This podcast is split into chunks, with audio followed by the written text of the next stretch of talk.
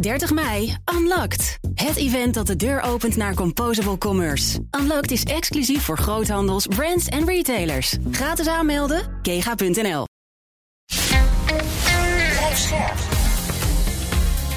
BNR Nieuwsradio. Boekenstein en de Wijk.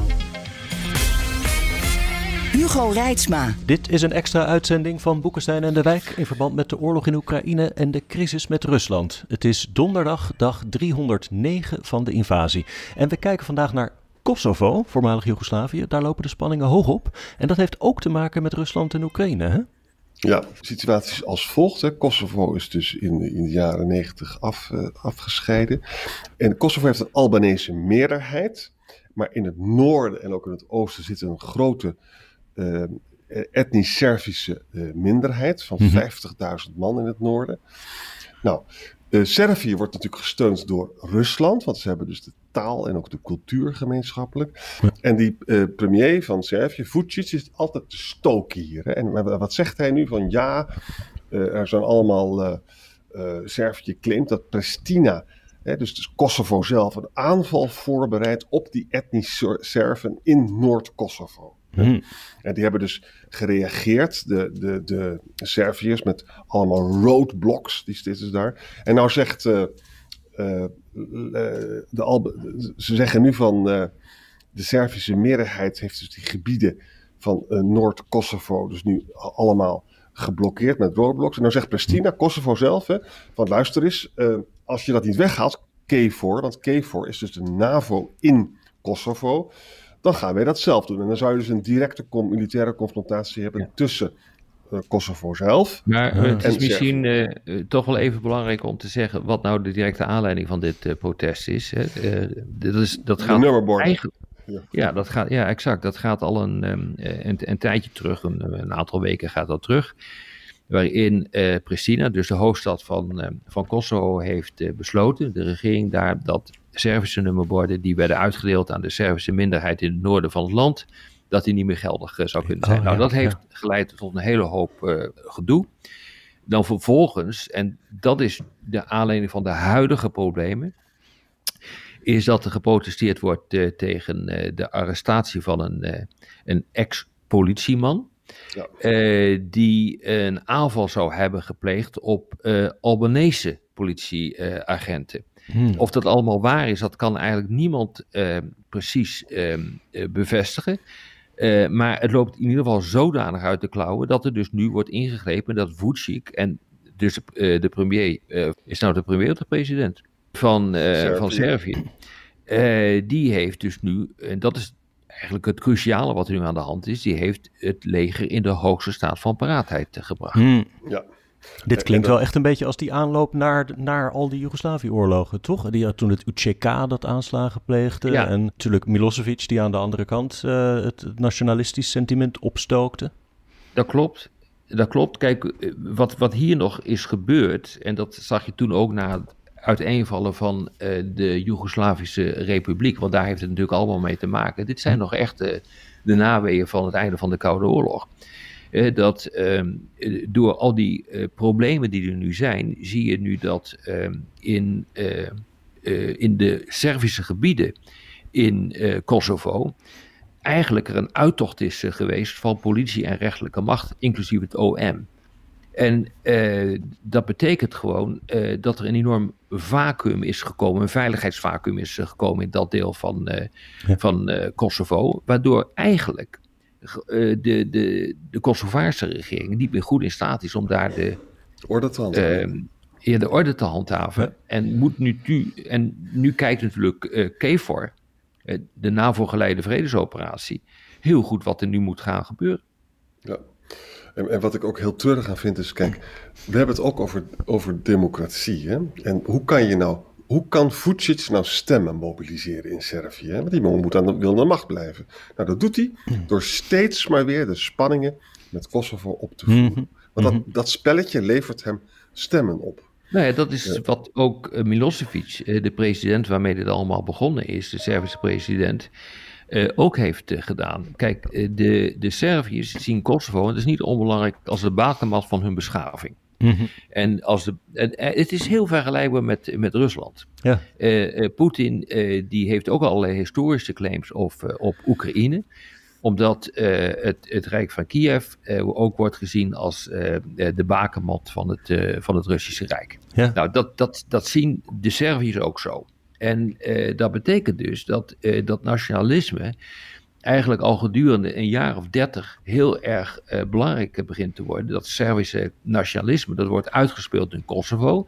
Ja. En dat wordt dus gebruikt om de onafhankelijkheid van Kosovo zoveel mogelijk te, ja, te beperken. Ja. Ja. ja. Ja. En dit gaat lang terug hoor, jongens. Ja, het gaat, heel, gaat toch tot een slag op het Merelveld. Hè? En toen hebben de Serven verloren. Ja, exact. Ja. Maar, maar, dat, maar ze zien dat nog steeds als een overwinning. Het is vrij psychiatrisch. Hè? Maar goed, wat je hier dus ziet. Maar dat, moet, uh, dat is wel een paar honderd jaar geleden hoor, de slag op het Merelveld. Ja, de duizend jaar geleden. ja. exact. Ja. Maar wat ik ook zo interessant vind, kijk, KFOR zit daar dus al heel lang, hè, decennia lang. En sommige mensen zeggen van ja, eigenlijk hebben ze alleen maar het conflict bevroren. En er is geen begin van een verzoening geweest. Hè? En dat komt eigenlijk door die bevriezing. Nou, dat is een beetje te makkelijk standpunt, want het is gewoon zo. Sommige, je zou kunnen zeggen, een hele generatie moet eigenlijk uitsterven. Voordat er verzoening kan plaatsvinden. En, en dat komt ook omdat in een democratie politici, Servische politici, het gewoon niet kunnen laten om dit als een mobilisatieinstrument te gebruiken. Nou ja, net zoals wat ik zeg, hè, net zoals Milosevic. Eh, kijk, het begon uh, zo rond uh, 1990, toen de Republiek Kosovo werd uitgeroepen. Die werd niet echt erkend. Ja. Um, en die, die onafhankelijkheidsbeweging is eigenlijk begonnen uh, na de ineenstorting van Joegoslavië. Hè, toen kreeg je dus al die landen, Servië, Kroatië, ga zo maar door. Kosovo wilde ook onafhankelijk uh, worden.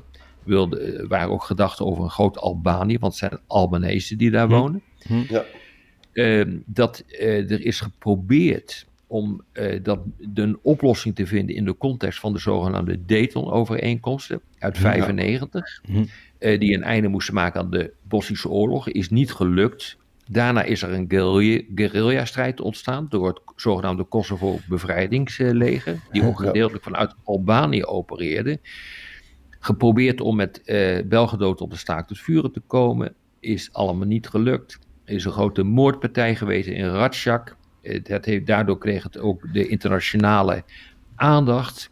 Nou, en dan zie je, om een lang verhaal kort te maken, dat in 1999 die Kosovo-oorlog uitbreekt. Tussen, uh, omdat de NAVO gaat interveneren en Blair, de toenmalige uh, premier van het Verenigde Koninkrijk, die zei: Dit is de eerste humanitaire oorlog in de wereld. Ja, ja, nou, en daarna is het eigenlijk gewoon nooit meer goed gekomen.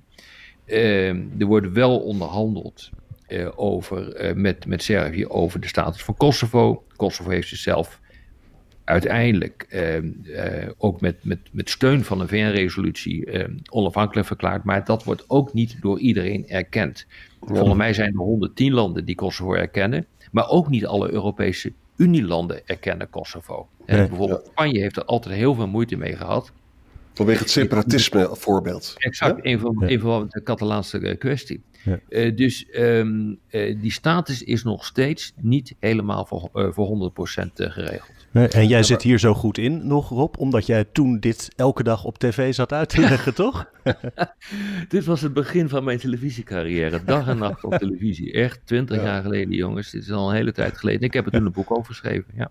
ja. ik kan me dat wel goed herinneren. Kwart, kwart eeuw geleden. Ja. Hey, en dit loopt nu dus hoog op in Kosovo. Maar volgens mij heb je dezezelfde spanningen ook bijvoorbeeld in Bosnië, in Montenegro. Ook plekken waar, waar de Russen ook veel invloed hebben. Zeker. Ja, zeker. En in eh, Montenegro hebben de Russen nog geprobeerd uh, door een interventie, uh, een politieke interventie, om het, het lidmaatschap uh, van de NAVO te, te, voorkomen. Ja. ja. Zeker. We moeten het even hebben over de Russische invloed in Servië zelf. Hè? Hm? Nou, dus cultureel is het natuurlijk heel sterk vanwege de taal en vanwege de cultuur en het, zeg maar, het panslavisme. Hè? Uh, maar ook is het zo dat er dus, uh, dus is Russische economische invloed, er is ook corruptie. en de Servische politici vinden het zelf leuk om het op te spelen. Nu zeggen andere mensen weer van ja, luister, er lopen daar 3700 KFOR-soldaten rond. Uh, die speelt het altijd op, maar op het laatste moment gaat hij altijd weer terug. En ik denk dat dat nu ook weer gaat gebeuren. Ja, tuurlijk. Kijk, eh, realiseer, het is tamelijk complex, hè, Servië. Uh, het, het, de Russen vinden dat het onder hun invloedssfeer valt. Hm. Ja. Uh, van oudsher. Dat heeft ook religieuze redenen. Uh, China investeert behoorlijk in het land. Ja. Maar by far de grootste investeerder is de Europese Unie. By far. Het land is hm. ook hm. kandidaat van de Europese Unie. Nou, hm. waar, dan denk je, waarom zou je zo'n land erbij willen hebben? Dat heeft natuurlijk alleen maar een, een strategische reden. Uh, want als je echt wil kijken hoe de strijd om de invloed in uh, Europa plaatsvindt, tussen China, Rusland en de Europese Unie, maar ook de Amerikanen, dan moet je kijken wat er in Servië, de westelijke Balkan, gebeurt. En iedereen probeert dat land zoveel mogelijk onder, onder controle te krijgen. Dus eigenlijk, wat je in Oekraïne ziet gebeuren, eh, nou, het echte afspiegeling in Servië, Kosovo is het niet, maar daar spelen wel dezelfde mechanismen van invloed uh, en strijd en het steunen van partijen. En volgens mij was het om die reden dat recent ook bondskanselier Scholz heeft gesproken over het versneld binnenhalen van die hele westelijke Balkan. om te, ervoor te zorgen dat, dat de Chinezen en de Russen daar de pas worden afgesneden. Exact. Nou, dan krijg je natuurlijk in Nederland uh, krijg je de hele discussie uh, over ja, maar de rechtsstaat en ja, maar criminaliteit en zo. En dat is natuurlijk ook zo, want die, die landen passen er absoluut niet bij. Uh, bij de Europese Unie is absoluut juist. Het probleem is alleen wil je die landen incorporeren om ervoor te zorgen dat ze gestabiliseerd worden? Kijk naar het hele midden van Europa, waar dat gewoon feilloos gelukt is. Hè? Hoe je het ook bent of keert. En wat je ook vindt van Hongarije en Polen. Het zijn wel landen eh, waar geen continue burgeroorlogen plaatsvinden of, eh, of, of, of allerlei andere strijd. Problemen zijn opgelost in die eh, landen. Althans, voor zover het met problemen met de buren betreft. En dat is precies wat je ook wil bereiken op de westelijke Balkan. Dus je moet een, een nieuwe afweging maken tussen wil ik stabiliteit en wil ik die invloed van de Chinezen en de Russen zoveel mogelijk uitbannen. Of wil ik uh, de, de uitgangspunten voor lidmaatschap zoveel mogelijk handhaven? Nou, dat is op dit ogenblik wat je moet doen. Ja, ja. En, en interessant is dat Nederland dus altijd weer een minderheidspositie neemt. Hè?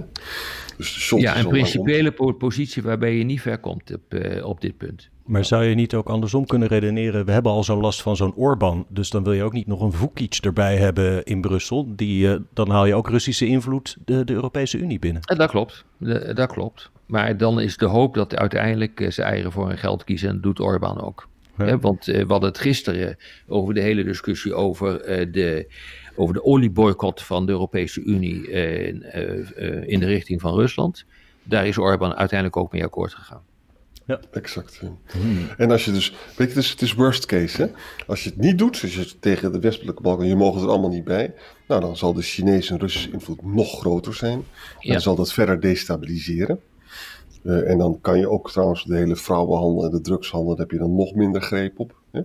Ja, en de bedoeling is ook destabilisatie. Hè? Dus door, het, uh, door grip te krijgen op de westelijke Balkan, uh, proberen zowel China als Rusland, maar Rusland vooral, proberen echt gewoon uh, ook uh, de Europese Unie en de NAVO een hak te zetten. Ja.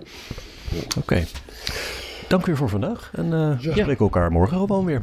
Tot morgen. Tot morgen. 30 mei, Unlocked. Het event dat de deur opent naar Composable Commerce. Unlocked is exclusief voor groothandels, brands en retailers. Gratis aanmelden, kega.nl.